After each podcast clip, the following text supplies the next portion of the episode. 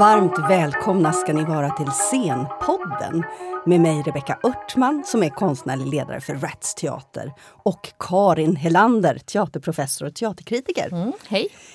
Idag så ska vi behandla ämnet monolog. Jag tänkte Karin ställa en fråga till dig. Har du märkt att det är monologernas afton det här året? Eller hur ser det ut? Ja, det har varit monologernas eh, afton ett par år tycker jag. Jag såg den bara eh, till exempel ungefär igår. Anna Wallander på Strindbergs Intima Teater som gav Strindberg svar på tal i en dåres försvarstal. Mm. Nej, men det är många eh, monologer nu. Mm. Och en expert på området har vi med oss. Hej och välkommen Andreas T Olsson. Hej, trevligt. Jag har aldrig, tror jag, blivit eh, presenterad som expert förut. det är nästan så jag måste... Ja, jag får det här på, ja. på band sen. Ju ja, just det. Just det. det är perfekt. Ja. Du behöver inte vara orolig, det, det kommer vara bandat. Men jag tänkte, jag säger expert för det känns som du har liksom slagit igenom med monologen som form. Skulle du också säga att det var din? Ja. På, på, på, ett vis mm. så är det väl så. Det har väl att göra med att jag har så länge jag kan minnas varit väldigt betagen i monologformen i alla dess former. Mm. När jag började gå på teater eller började se på tv-teater eller höra på radio. Så. Så, så det är någonting med monologen, mm. vare sig den är en helaftonspjäs eller att det är en en kort eh, sådär Joyce Grenfell-monolog på 10-15 minuter ja. så är det någonting som jag attraheras av. Men jag tänker vi kan eh, gå tillbaka till den som, som har gått under flera år. Kan du inte berätta lite om sufflören? Vad vill du veta? Vill du veta jag vill, vill, veta allt. Du vill, vill veta, veta hur, den, hur den kom till. Den kom till under mitt sista år på Teaterhögskolan.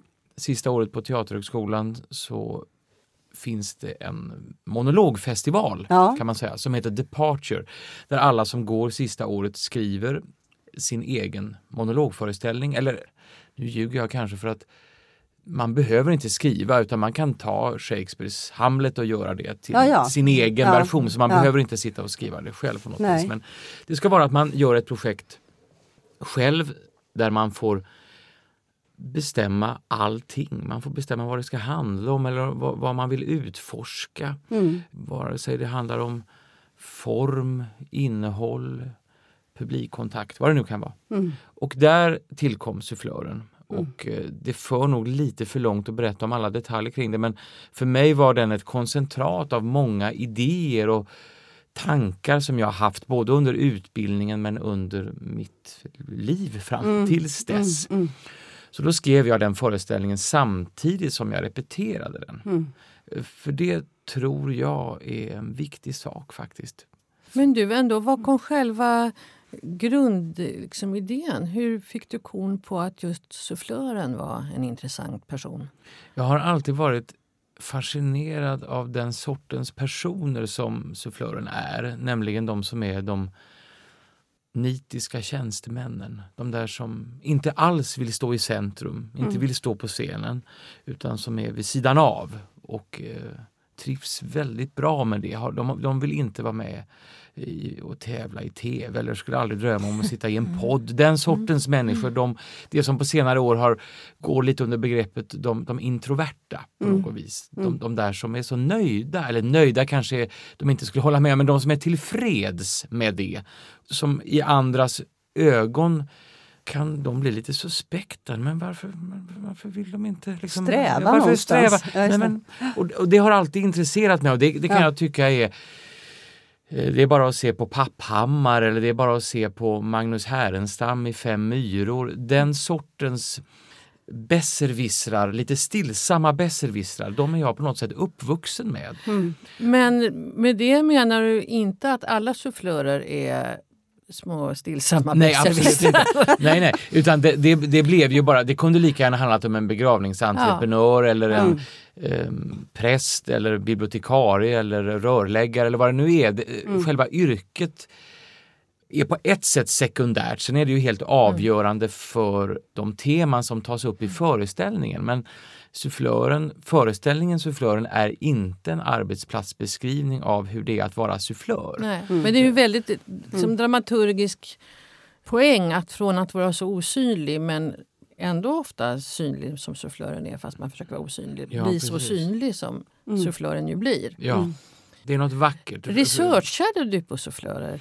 Ja, jag läste in mig på sufflörer och jag intervjuade en sufflör, Stefan Bäck, på, på Stockholms stadsteater. Och jag hade tänkt intervjua fler sufflörer. Jag hade, en, hade fått en lista på människor jag kunde kontakta och sådär. Men så kände jag efter intervjun med honom och sådär, nej, jag vill fantisera fritt. Mm. Jag vill fabulera, mm. hitta på.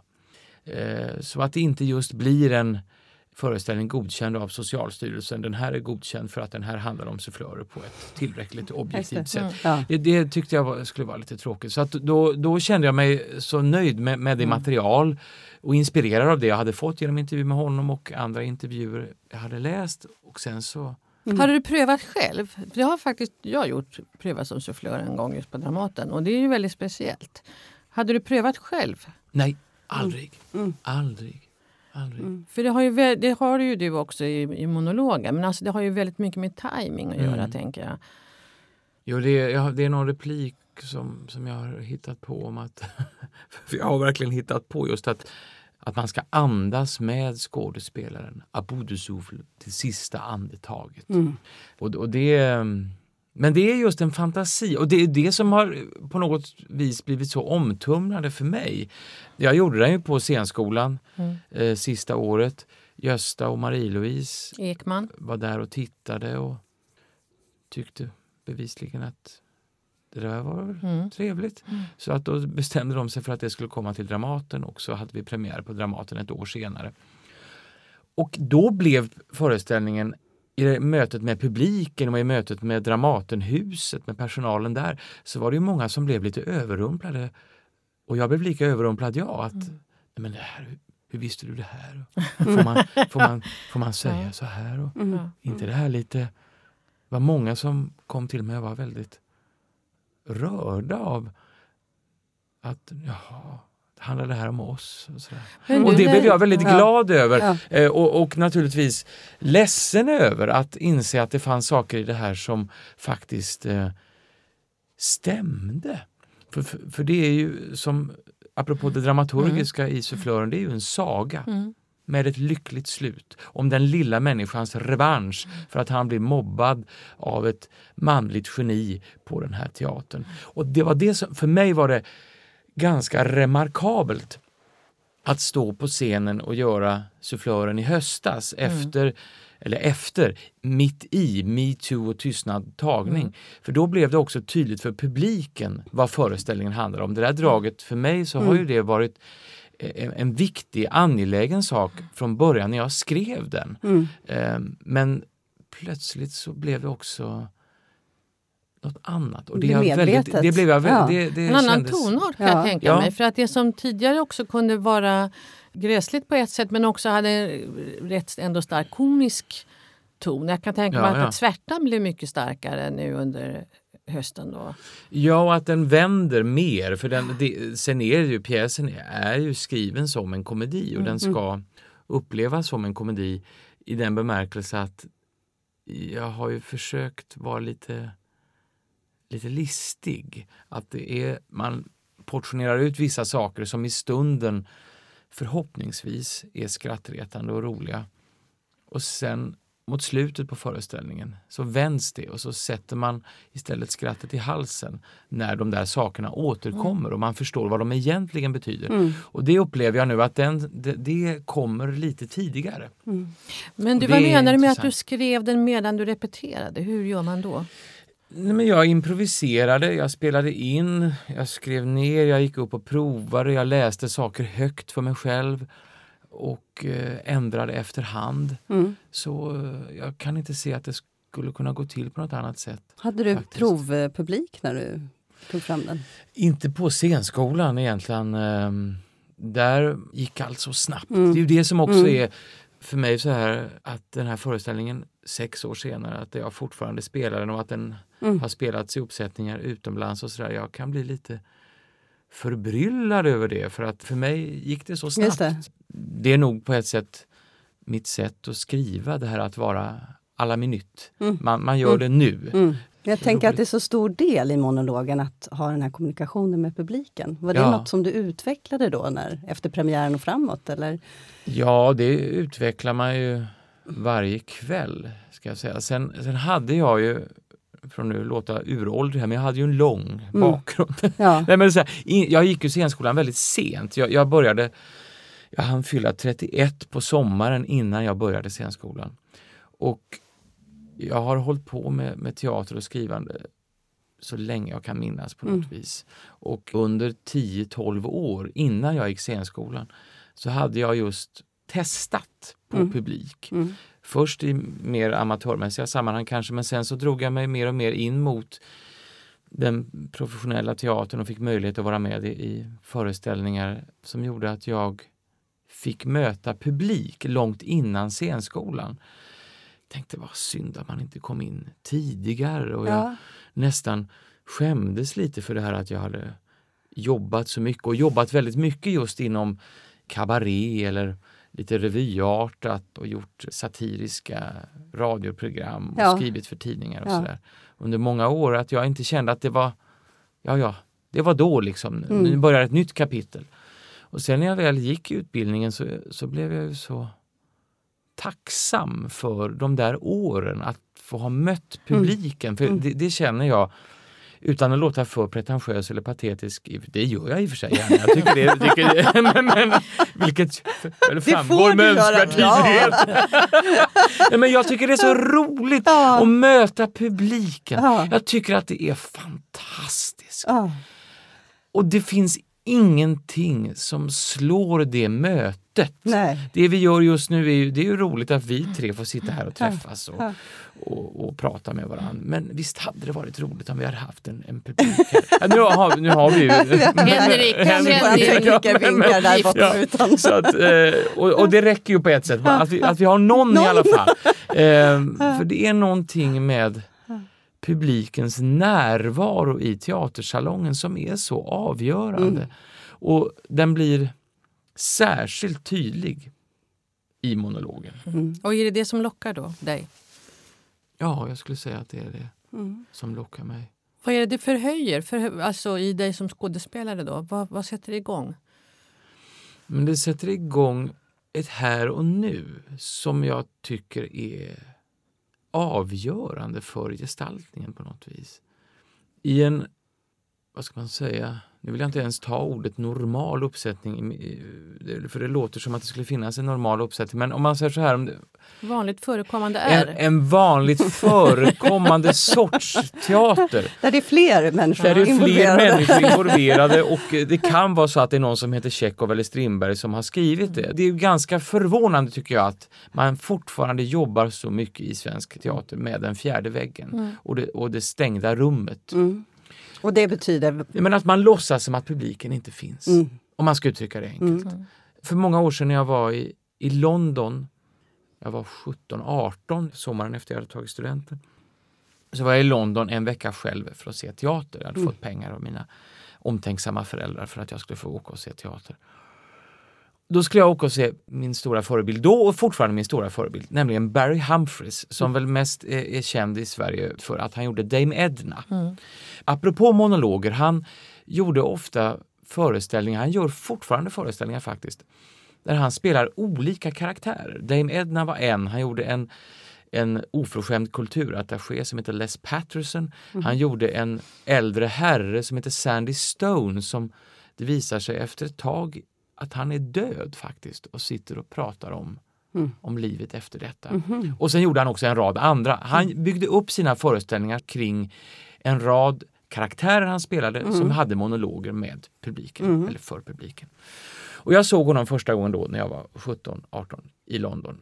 Och då hade han en replik som Dame Edna på scenen som jag fortfarande kommer ihåg och som jag på något sätt är mitt motto sen dess, eller, mm. eller devis. Han sa så här att Åh, jag var på teatern igår och det, det, var så tråkigt. Det var så tråkigt. De pratade bara med varann. Jag hade en ny klänning på mig och de nämnde inte den med ett ord. Och man behöver kanske inte gå så långt att man pratar om folks kläder men just det där att de pratade bara med varandra. Man tar kontakt i alla fall. Ja. Att bli bekräftad som och publik. det tycker jag är mm. viktigt. Monologen, där är ju det en förutsättning. Det går ju i all teater. Det mm. går med Tjechov, Strindberg. Molière, mm. mm. Shakespeare är ju skrivet för att det bygger på publikens närvaro. Ja. Och det kan man ju bara bli lite så här stillsamt och klädsamt mm. upprörd över att det ofta är så dumt. Mm på teatern. Mm. Att man lämnar publiken i sticket. De har betalt massa pengar för att komma dit. De har ordnat eh, barnvakt eller, eller var, var, hundvakt eller, mm. eller vad det nu är. Så låtsas man att de inte låtsas, finns. Så låtsas man att de inte finns. Och publiken blir ju väldigt glad över att bli bekräftad. Ja. ja. Jag. Det tycker man ju är jätteroligt som... Du, har du aldrig spelat barnteater?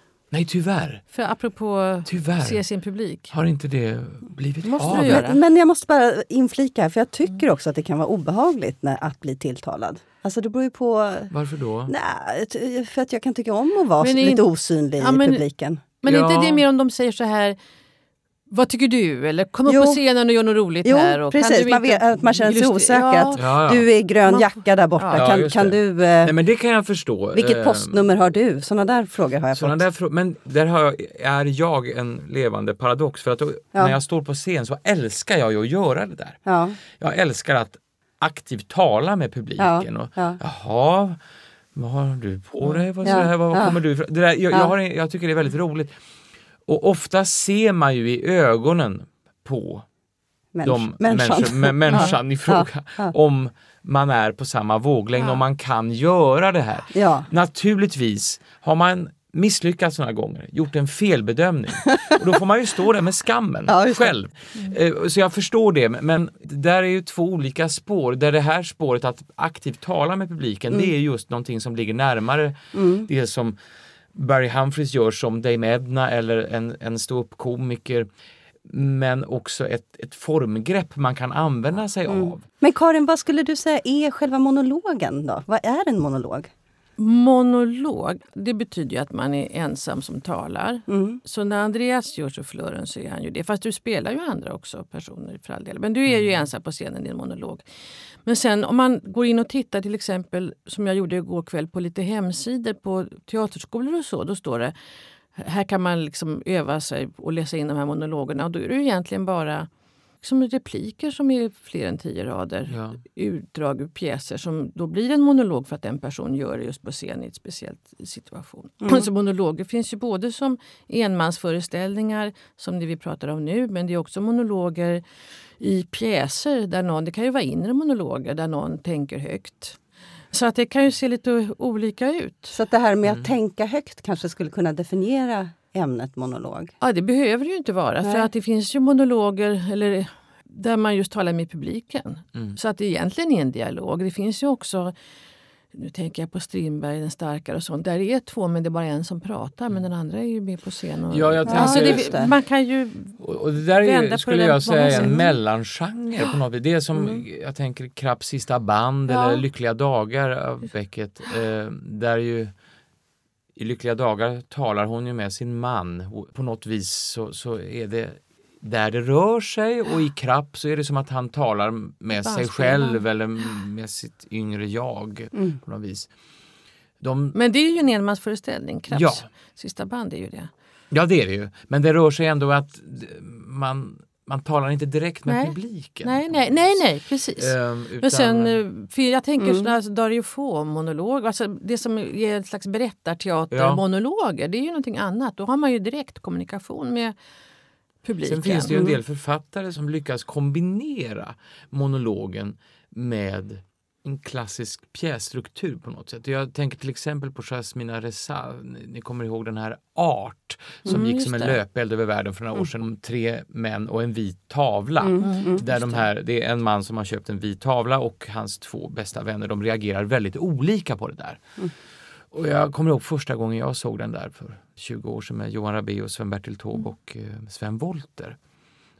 Där det börjar med att Sven Wollter bara sådär vänder sig till publiken. Min vän Serge har köpt en tavla. Mm.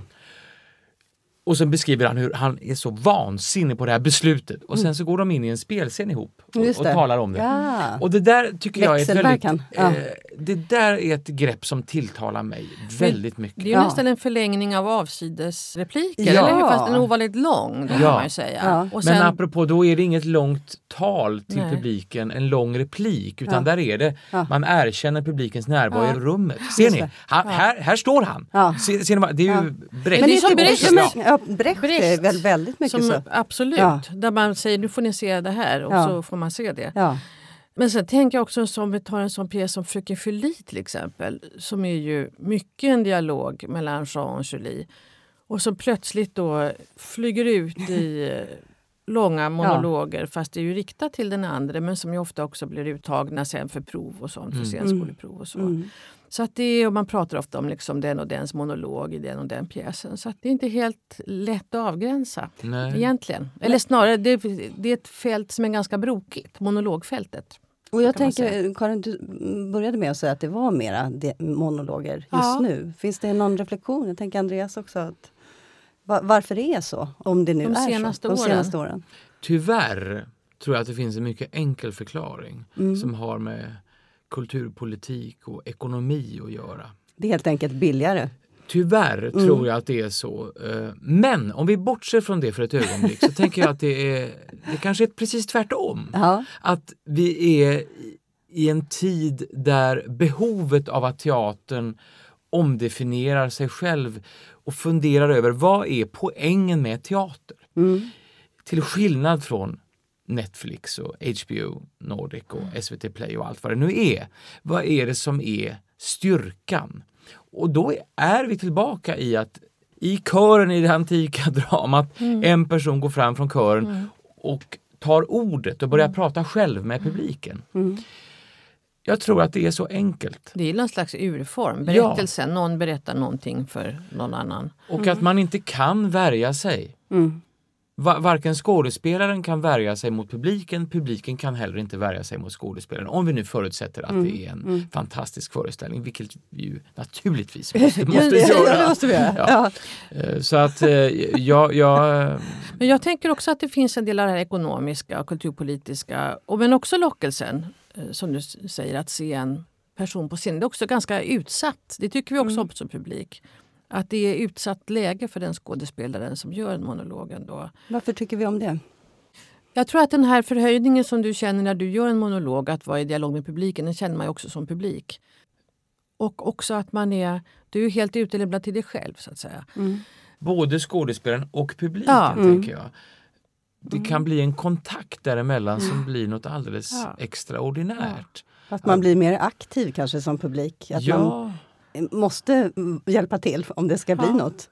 Och det, det, jag tror det är samma med romaner som är skrivna i, i jag-form. Mm. Om man väl fastnar för det då, då, mm. då blir det som att man ser sig själv i det. Och, och därför kan det vara så med en sån föreställning som Sufflören som ju jag tänkte när, när Marie-Louise ville att den skulle komma till Dramaten så tänkte jag ja, ja, jo, det, den kommer ju passa på Dramaten för den handlar ju mycket om teaterns mm. värld och, mm. och det den tar in texter från mm. de klassiska pjäserna och sådär. Men att vi skulle stå sex år senare och fortfarande spela mm. den, det, det, hade jag, det kunde mm. jag inte ens föreställa mig. Jag tänkte att vi spelar väl några gånger och sen ja. när kärnpubliken har varit här så är det slut. Ja, det är helt fantastiskt. Men, men där tror jag att det handlar just om att det är den är så specifik. Det handlar om en sufflör. Exemplen är väldigt, vad ska man säga, konkretionerna är väldigt många från teaterns värld. Mm. Men det gör att kommer man då och ser föreställningen och jobbar i kassan på ICA eller som stins eller vad det nu är, mm. så ser man sig själv, man ser sitt eget yrke, mm. andra situationer. Mm. Och det tror jag är en av monologens också styrkor. Går jag och ser ett år av magiskt tänkande mm. så handlar det inte om att jag behöver vara en privilegierad vit äldre dam på Manhattan mm. för att jag ska kunna identifiera mig med berättelsen. Mm. Faktiskt. Mm. För det vet jag, jag tänkte när jag, när jag gick och såg ett år av magiskt tänkande så tänkte mm. jag innan sådär Ja, ja, men varför ska jag, mm. varför ska jag bry mig om mm. det här? Och sen efteråt så känner man, ja men det är klart jag ska bry mig om det. Alltså alla människor påminner om varandra och är man bara tillräckligt öppen för att ta, både ta in det och ta emot det så tror jag att det kan uppstå saker där. Men du, du alltså sex år, så jag tänker sufflören är väl en sån, den kan du spela hela livet. Den blir ju bara liksom bättre med åren säkert, tänker jag, med sufflören. Men du, kan du se någon skillnad? Du sa det med metoo, att du hade upplevt en skillnad att spela den då i höstas. Men har du ändrat mycket i den under de här åren? Nej, jag har inte ändrat någonting egentligen när det gäller texten. Jag har, jag har flyttat ord. Eh, för man märker ju eh, naturligtvis vad som uppnår mest effekt för, för att någonting ska bottna eller för ett skratt eller för en tanke. Att man flyttar om. Mm. Så jag har lagt till något småord eller sådär, men mm. inte, inte särskilt mycket. Utan det som har förändrats är ju det inre som man själv tillför på något vis. Och jag känner ju nu efter alla dessa år att jag är fullständigt fri mm. i texten. Mm. Att jag kan bestämma mig för att idag gör jag det där lite annorlunda. Mm. Att jag, mm. Tempot är annorlunda, lättheten ser annorlunda ut. Eller att jag tyng och så ser man vad som händer. Mm. Så det, det, blir som en vågskål föreställningen. Och, och, så det är ett väldigt roligt mm. arbete. Så den är roligare än någonsin att spela faktiskt. Eh, sen är det ändå så Eftersom man står där själv och jag dessutom har skrivit det och vet varför allt är skrivet på det sätt som det är. Mm. Så kan jag ju också förändra temperaturen i föreställningen om jag känner att nej men mm. nu, nu gick jag ut för hårt här i början. Ja. Kanske som man kan göra ibland för mm. att man är man är lite trött eller mm. vad, vad, det nu kan vara, att man inte riktigt har den energi man, man, man känner. Man är som idag, man är lite rosslig i halsen mm. kanske och lite pollen i mm. näsan. Och då känner man sig, nej, nu, nu blev det fel. Det, ja, men det, det, det är som att man, ja. ah, nu spelar jag i fel tonart i början, ja. då får jag ändra. Ja, just det. Så att, eh, Men sen tänkte jag på det här med eh, också anledningen till att det, ändå, det är mycket monologer nu har varit ett par år. Det kan vara ekonomiskt i den här lockelsen i väldigt specifika situationer. Men tror du att det här med som för dig, det här med departure, att på teaterhögskolorna att man får arbeta med egna projekt har spelat roll också. För jag tänker det är ganska många unga skådespelare som också har gått ut med sina departure eller egna mm. projekt som sen har blivit föreställningar. Ja. Det tror jag absolut. Och det, där kan man väl se, det finns ju också en trend inom de eh, monologerna att de ofta har en uppväxtskildring, ja, att det, ja. det, det, är ett annat perspektiv som inte har funnits på scen förut. Mm. Och det är ju fantastiskt mm. att man då kan använda sig av sin egen spetskompetens, ja. om man nu ska säga, mm referenser, språk och sätta det på en scen. Jag tänker också på Tanja Lorentzons monolog ja, mm. Mormors svarta ögon som nu går igen på Dramaten mm. som ju är också en sån berättelse om mm. en historia som inte har setts på en svensk scen. Mm. Eller Carlos eh, Romero Cruz, Zebrafinken. Ja, precis. Det är också en sån. Olo Kaupis, Bergsprängarens dotter ja, och sen kom Lottie Törnros med Liv som tjock. Alltså det har ju hållit på ett tag, mm. även utanför skolorna. Men sen finns ju de andra klassiska också då. Som jag sa, Strindberg såg jag häromdagen, Anna Wallander. Mm. Fast det var en ny text, men ändå. Mm. Hon var sifon Essen. Eller Krapps sista band som Jan Malmsjö gjorde ganska Dr. nyligen. Glas. Dr. Glas som Christer Henriksson mm. har gjort i mm. åratals och åratal nu. Ja. I många versioner. Han är i Montreal just ja. nu Jaha. och spelar. Ja. Ja. Men du har också gjort eh, monologer som du inte har skrivit ja, själv? det har jag. Senast eh, när det kommer till kritan av Niklas Rådström mm. som vi gjorde på Dramaten i höstas, mm. eh, hade premiär i november.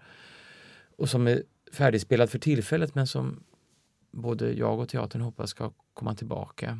Eh, jag eh, sa det till Dramaten när vi skulle göra den här att ja, jag vill bara att ni ska veta att jag vill nu göra den minst lika länge som sufflör.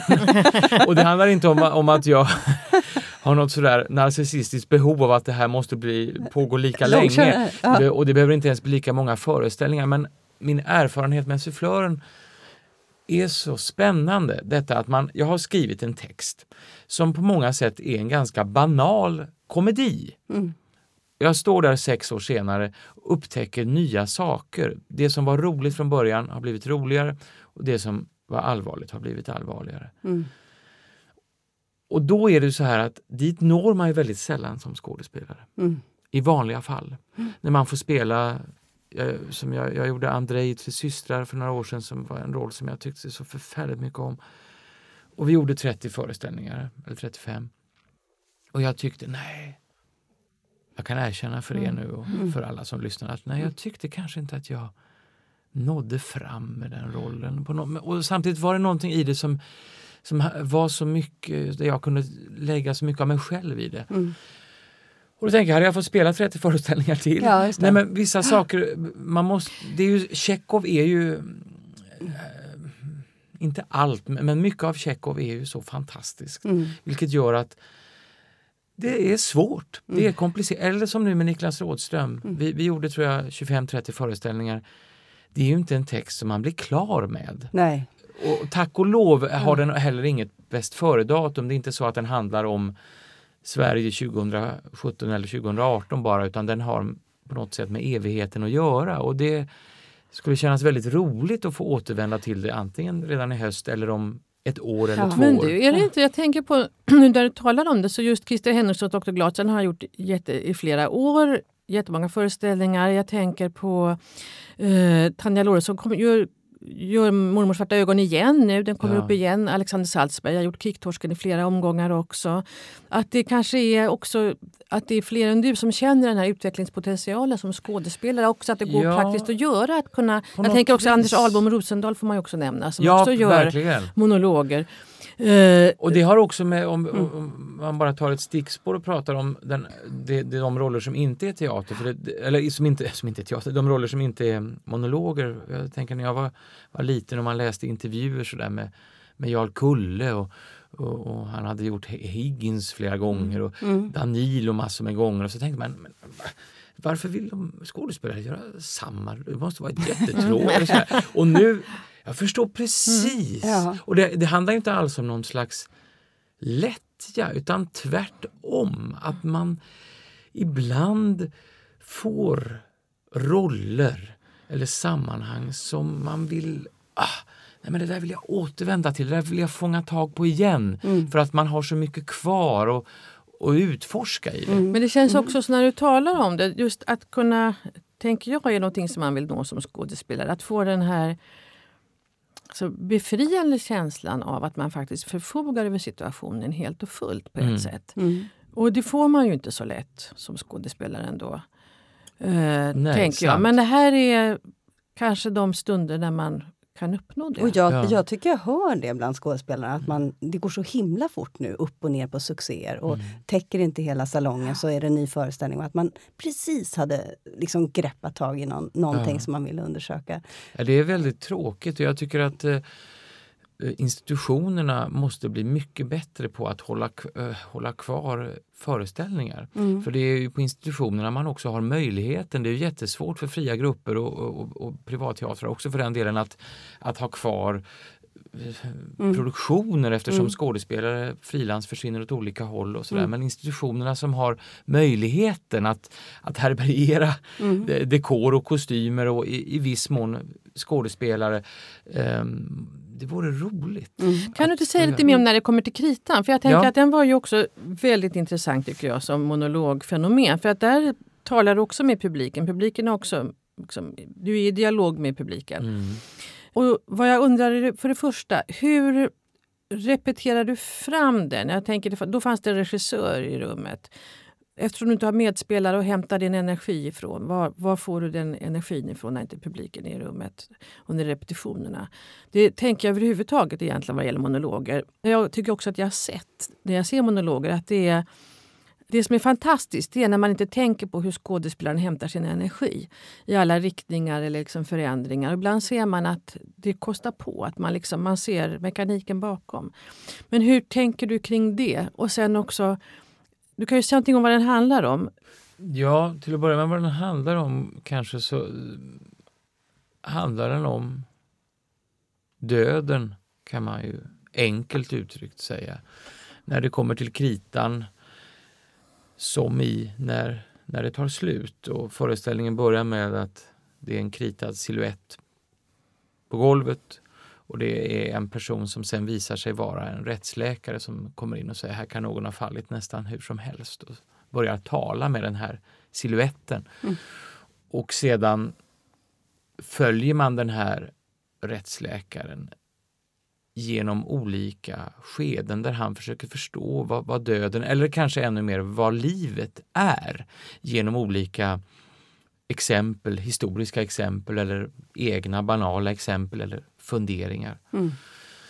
Skrivet på Niklas Rådströms vis som är, tycker jag, det mest fantastiska vis. Han har alltid varit en sån stor eh, inspiration och förebild tycker jag för, för mig. Eh, han rör sig mellan det högstämda och det, och det banala på ett fantastiskt vis, mm. tycker jag. Han vågar gå i dialog med, med evigheten och de stora frågorna och samtidigt vara lite putslustig och, och rolig. Mm. Och han gör inte det till ett problem utan till mm. själv, själva förutsättningen. Mm. Och eh, Niklas och jag lärde känna varandra när jag gick eh, på scenskolan för han hade nyligen blivit, han blev ungefär samtidigt som jag antog så blev han professor i berättande på eh, det som då var DI men som mm. blev STDH. Och där lärde vi känna varandra lite grann. Han såg sufflören på skolan och, och sådär. Och sen så föreslog han det här för mig och vi presenterade det för Dramaten och tanken var att Niklas skulle ha regisserat själv. Mm. Sen blev Niklas tyvärr eh, väldigt sjuk innan vi skulle repetera. Nu är han frisk, ska sägas. Men eh, då fick eh, Stefan Metz hastigt och lustigt kasta sig upp från Spanien och överta regin. Stefan och jag hade bara träffats i någon korridor innan och aldrig jobbat ihop. Det kunde ju, apropå din fråga Karin, mm. det kunde ju verkligen ha slutat hur som helst mm. i rummet där. Att vara instängd bara med en person mm.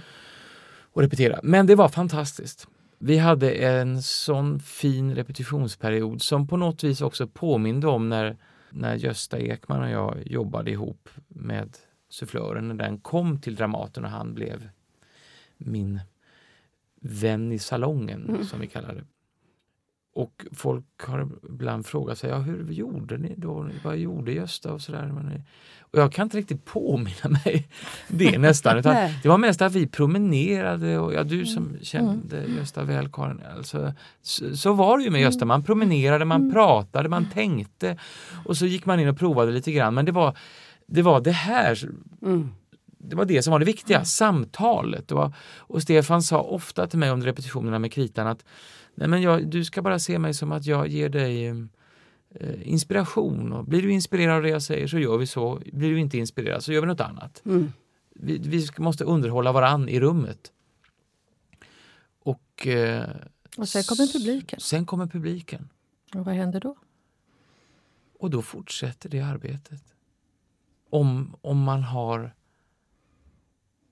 gjort rätt, tycker jag. Mm. Och det hade vi gjort här verkligen. Sen om, sen om det blev bra eller dåligt, den där skalan, det får ju mm. någon annan bedöma. Men jag kan uppleva att den repetitionsperioden vi hade i relation till de föreställningar som sen mm. kom var kongenialt. Det här vi har mm. testat så mycket och provat och skapat. Så när sen publiken kommer så fortsätter vi. När det är mindre lyckat är ju när man har en repetitionsperiod där där det skaver under repetitionsperioderna, där man inte hinner testa tillräckligt mycket, där man gjuter saker i sten alldeles för tidigt. Det, det, det kan jag säga i varenda repetitionssammanhang jag har varit på sen jag gick ut scenskolan har det nästan alltid varit så.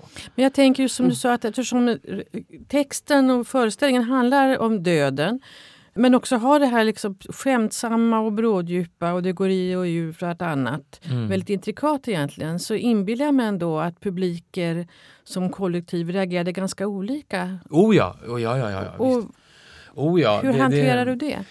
Ja men det där är apropå det jag sa förut med, med sufflören där, när jag, vissa kvällar när jag känner det där att jag går ut för hårt i början, då får jag kompensera det för att eh, energierna ska bli rätt i slutet. Och så var det också här i kritan. Jag kände ibland vissa föreställningar att eh, publiken tyckte att det var väldigt roligt. Mm. Vilket ju kanske har att göra med, om jag får tänka högt, att om man överhuvudtaget har någon mm. aning om vem jag mm. är så, så, kanske man har sett mig i sufflören. Eller i improvisation på slottet som är en kabaré som jag gjort på Dramaten som bygger just mycket på publikkontakt och det mm. improviserade. Och är roligt. Och är roligt och både sufflören och improvisation på mm. slottet är mm. i första hand skulle jag säga roliga. Kritan är mycket mer mångfacetterad till sin karaktär. Det är en annan mm. slags föreställning. Och där kände jag ibland att, att det fanns en förväntan att det skulle vara lika roligt mm. som det brukar vara. Mm. när han gör saker själv. Ja. Som att det skulle vara ja. samma mynt. Ja. Det får man ju bara bli glad över. Mm. Om, jag, om jag säger så här, om det är någon människa som går in på teatern och tycker vad roligt det ska bli att se Andreas. Då, blir, då, då är det ju fantastiskt. Mm. Det finns ju inga problem i det, det finns ju mm. bara glädje i det. Men eh, för att man ska då göra pjäsen rättvisa mm. och gestaltningen rättvisa så får man då rikta om energierna. Ja, så att de inte kommer ut och säger att han var inte så rolig. Nej, exakt. var lite det, det, det, där är ju... Ja. Så det är ju svårt. Ja. Men du, det här med att hitta energin. Förstår du vad jag frågar om? Jag tänker om man jämför med en spelsituation där man ändå hämtar energi hos sina motspelare i dialogen och man kan mm. gå liksom på reaktioner mm. och på impulser och sånt. Så måste du i monologen hitta energin, förstås också i relation till publiken men också i, från dig själv, tänker jag. Jag hör vad du säger. Mm. men eh, för mig är det inte en... Det är en icke icke-fråga på något sätt. För att, för jag, för jag, eller icke-fråga är det ju inte, men det, det är ingen skillnad Nej. skulle jag säga. Utan man hämtar ju alltid så mycket från mm. sig själv mm. och man måste vara receptiv om man har mm. medspelare, mm. vad som händer, och publiken, mm. vad som händer. Mm.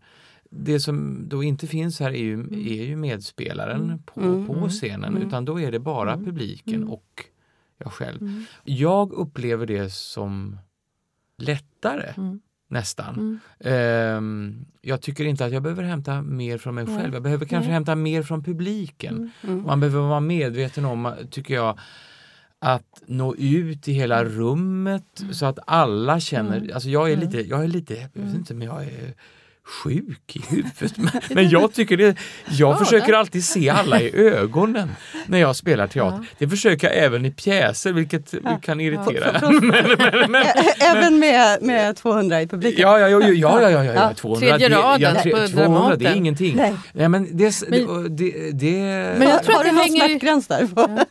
Jag, känner, jag känner nu stora scen på Dramaten och, stora, och Oscars nu den här våren. Det har varit, det är en utmaning men det går.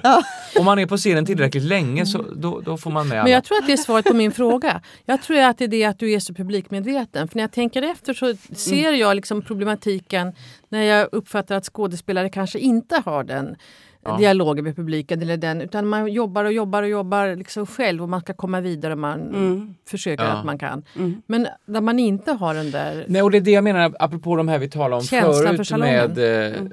Beckett-exemplen med Krabs sista band och, och Lyckliga dagar till exempel. De är svåra de föreställningarna tycker jag, att bli indragen i som publik för de använder monologens form. Men de har lik förbaskat mm. en slags fjärde vägg som skärmar av.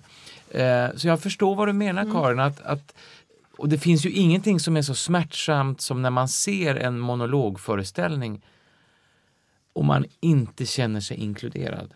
Ibland när man pratar om det här, för det känner jag ibland, eh, så, så är det som att man ska vara noga med också att säga det behöver inte vara roligt.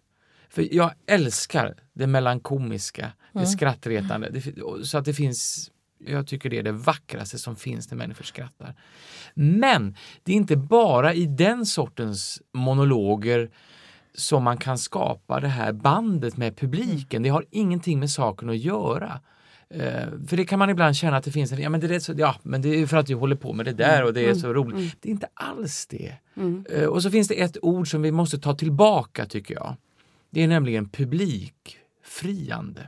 För det, det är sånt där som, som både kollegor ja. och eh, regissörer, ja. recensenter ibland använder. Det är för mycket publikfrieri. Mm. Jag tycker publikfrieri är det vackraste ordet i den svenska teatervokabulären. Yes. Detta att man säger till publiken Vill ni vara vår publik Och du ikväll? vill ha ett ja kommer, på den frågan? Jag vill ha ett ja, ja. helst. Ja. Jag kommer älska er i en timme och 30 Ja. minuter oavbrutet. Ja.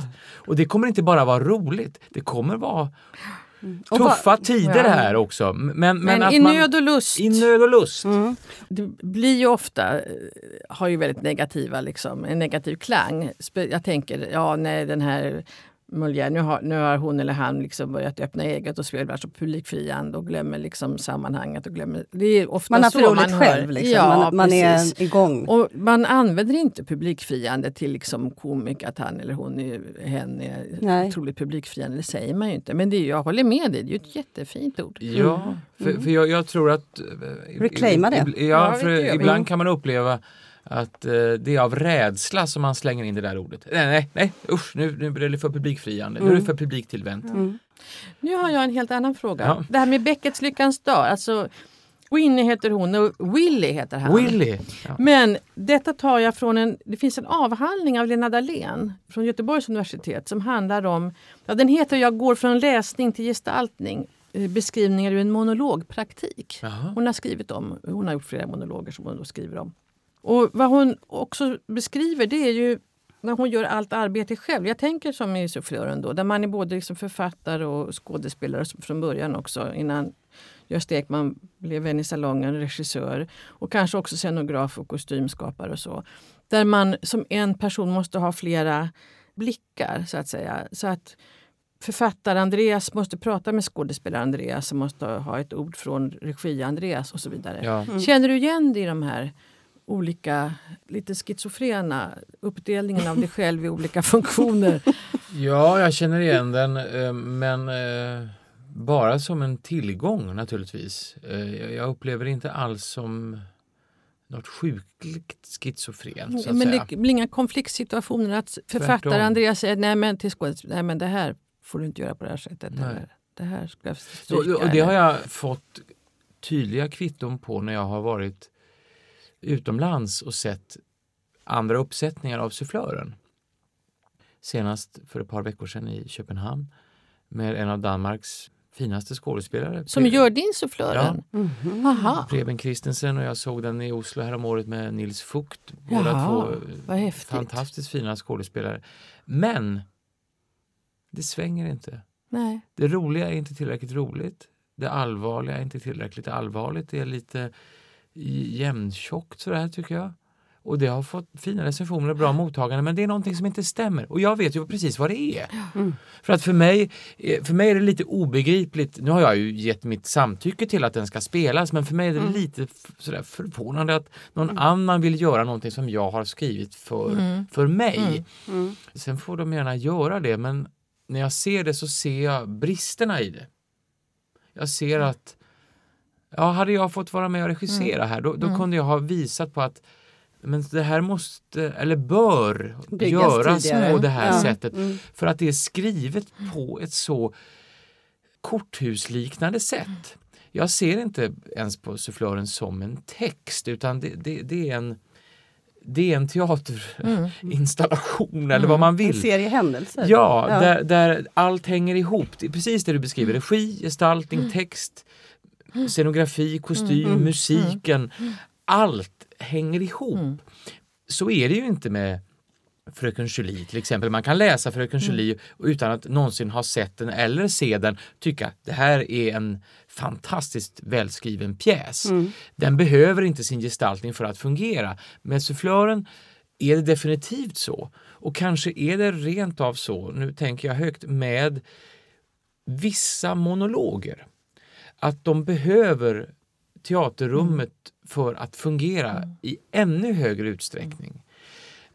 Ja, Jag kanske har fel, där slår det mig nu för att jag tycker att det i och för sig är samma med en av mina favoritdramatiker, eh, Alan Ayckbourn. Hans pjäser, eh, de, de går inte att läsa.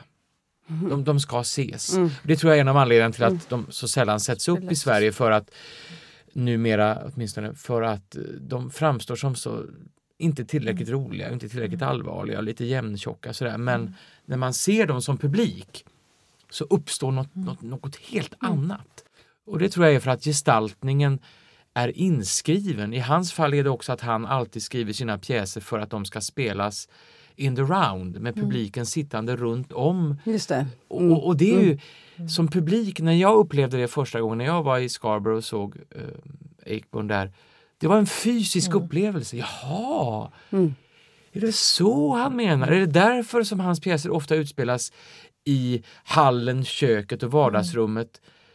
För att sitter man runt om då är det så enkelt att dela in scenen i liksom bara mm. olika tårtbitar. Mm. mm. Men sätter man upp det på en tittskåpsscen då får man ju bygga väggar ja, och hålla ja, på och sådär. Och då blir det så gammaldags salongsteater på något vis. Du blir man en ovanligt eller ansvarstagande skådespelare om man arbetar mycket med monologer. Jag tänker du gör en improvisation på slottet också har gjort och hållit i hela det projektet. Mm. Det är ditt eget projekt från början väl? Ja och skriver texter och tar in gäster och det är andra skådespelare med. Men just det här med ansvarstagande och helhetstänk. Och... Ja, det, det som har varit var roligt med improvisation på slottet var ju att få det som vi pratade om lite i början, så här att som skådespelare får man ju väldigt sällan eh, välja mm. sina sammanhang eller man blir tilldelad en roll och apropå vad som gör, får en att mm. börja skriva monologer, att man hittar en väg där. För mig blev improvisation på slottet fast att det var jättemycket jobb och pågick under ett och ett halvt år, så var det en fantastisk dörr att öppna. Att få välja Sanna Sundqvist, Erik Stern, Per Svensson, Marie mm. Rickardsson, Johan Rabaeus, Hultalin Johannisdotter. Mm. Ja, Ett helt galleri av underbara skådespelare. Och liksom ja. fem till ja. och massa gäster som man fick välja. Det var mm. så okomplicerat. Mm. Och då, apropå det här att få välja människor som är i samma rum mm. som en själv mm. och publiken mm. och att använda oss av det. Mm. Det var väldigt roligt. Mm. Men det var också roligt att jag menar, Erik och, och, och Sanna och jag, vi, vi är ju liksom ungefär i samma ålder och, och, gick ut ganska nyligen och vi har ju, har ju båda gjort den här sortens projekt ganska mycket. Det var också roligt för oss att möta flera av de äldre kollegorna och bjuda in från dem Dramaten och att ja och att Värst, eh, inse att vi kunde få mötas mm. i det. Det ja. var väldigt ja. roligt. Apropå gäst du, eh, du har ju romandebuterat också, den sista gästen. Ja, just det. Den är ganska också monologisk. Ja, det är den. Den utspelas ju inuti läsarens huvud. Mm. Det är läsaren som är berättaren. Du har aldrig tänkt att dramatisera den? Nej. Nej. Och, och vet du varför? Eller vet ni varför? Jag ska inte bara prata till Karin. Nej. men det är för att jag, jag, skrev den där parallellt som jag höll på med en, en ny pjäs och ett filmmanus. Jag skrev inte alla tre saker samtidigt så jag är ingen övermänniska på något sätt. Men, men jag höll på med ja. tre olika idéer samtidigt. Och för mig blev det väldigt viktigt att renodla vad som var vad mm. och varför det här behövde vara en roman och varför det där skulle vara en mm. pjäs och varför det där skulle vara ett filmmanus. Och för mig blev nyckeln till romanen när jag insåg att just det. I en roman kan någonting utspelas inuti huvudet på läsaren. Det kan det inte på teatern. På teatern så ser man. Sen kan man ju mm. ha massa effekter och man kan ha mm. lösmustascher och skägg och, och låtsas och sådär. Men, men man ser och samma i film. Betraktaren ser. I romanen så ser man ju det från sitt perspektiv. Man målar upp det i mm. huvudet. Och då slog det mig, då vore det ju roligt att lura läsaren. Mm. Nästan mm. hela ja. romanen. Man blir jättelurad. Och, och, och, och, och det gör att tyvärr går den inte att dramatisera. Det hade varit jättebra ja, att, ja. att kunna ha en monolog under, ja. under armen till. Men det, det går tyvärr inte. Jag har, jag, jag har tänkt mm. tanken men eh, den mm. måste uppstå i mm. läsarens huvud bara. Mm. Jag måste bara fråga, är det så att det är en manlig domän det här med monolog? Har det varit fler män som gör monologer eller är det 50-50?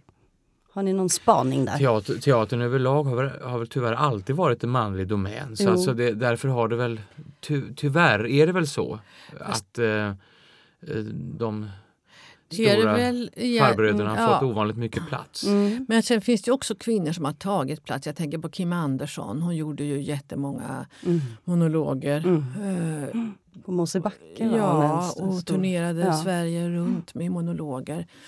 Och sen nu när vi har pratat med Tanja Lorentzon, Sanna Sundqvist gjorde ju också en ja, monolog av sin departure. Mm. Jag såg som sagt Anna Wallander häromdagen. Och det, alltså det, det finns ju flera. Mm. Men historiskt så där så har det väl kanske varit... Ja, så det det tycker jag vi bestämmer oss för att vi ändrar på. Mm, absolut. Faktiskt. Det finns ju en av mina stora förebilder. Eh, jag har sagt, jag har sagt tre gånger tror jag om olika personer ja. i det här programmet. Men, men det är, det är bra, man ska ha ett galleri av förebilder. ja, men apropå en person som har skrivit och skriver väldigt bra för kvinnor, eh, nämligen Alan Bennett. Eh, han gjorde ju en serie monologer för BBC på 90-talet som mm -hmm. heter mhm. Talking Heads mm. som är fantastiska. Varje program var en monolog på 40-45 minuter där det med något undantag, jag tror att det var någon manlig skådespelare, någon, men annars var det ofta en kvinnlig skådespelare som pratar rakt in i kameran mm. om sitt liv. Bland annat eh, Maggie Smith och Patricia Routledge Penelope Wilton till exempel, eh, Judy, inte Judy Dench men, men Judy Walters. Mm. Fantastiska monologer. Mm. Som är i den där andan som Alan Bennett är så bra på. Han rör sig mellan tragedin och komedin samtidigt. En perfekt avlyssning av den engelska trista medelklassen och här kvinnorna som har fått uppoffra så mycket för mm. för sina män. De här jag såg faktiskt om, igår inför vårt samtal, såg jag om Maggie Smiths monolog där hon mm. spelar en fru till prästen som berättar om, om det. Mm. Den är fantastisk. Oh, jag blir jättesugen på att se. Fantastisk. Ja. Hennes första ja. replik är eh, ungefär så här. Ja, det är, det är klart inte så lätt att vara gift med Jeffrey men det hade varit ännu värre att vara gift med Jesus. Vilken pangstart. Ja, men, och, och, och spela till en sån här... Ja.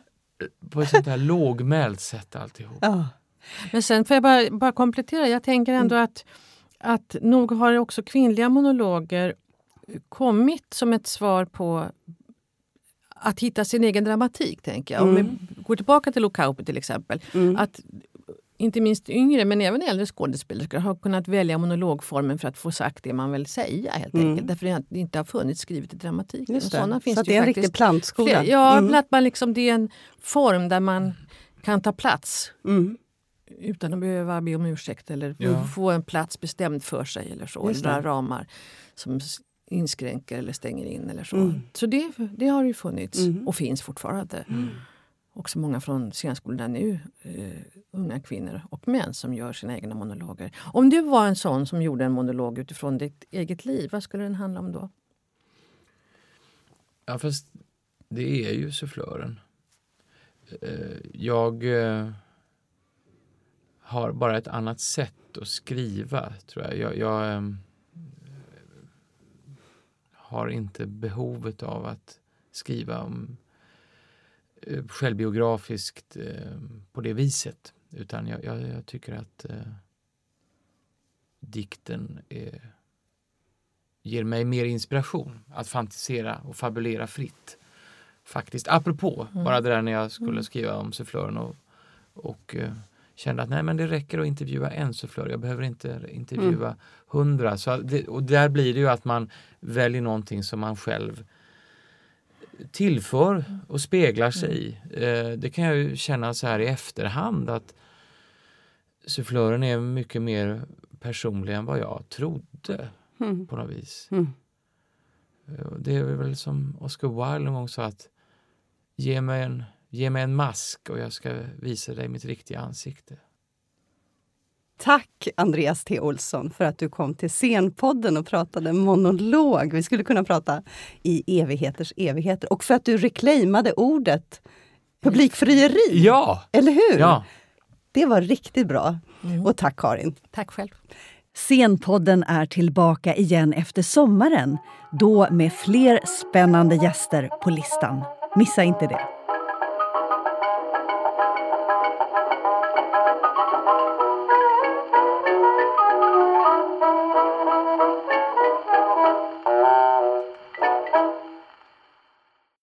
Du har lyssnat på Scenpodden, en podcast från Rats Teater och Humanistiska fakulteten vid Stockholms universitet.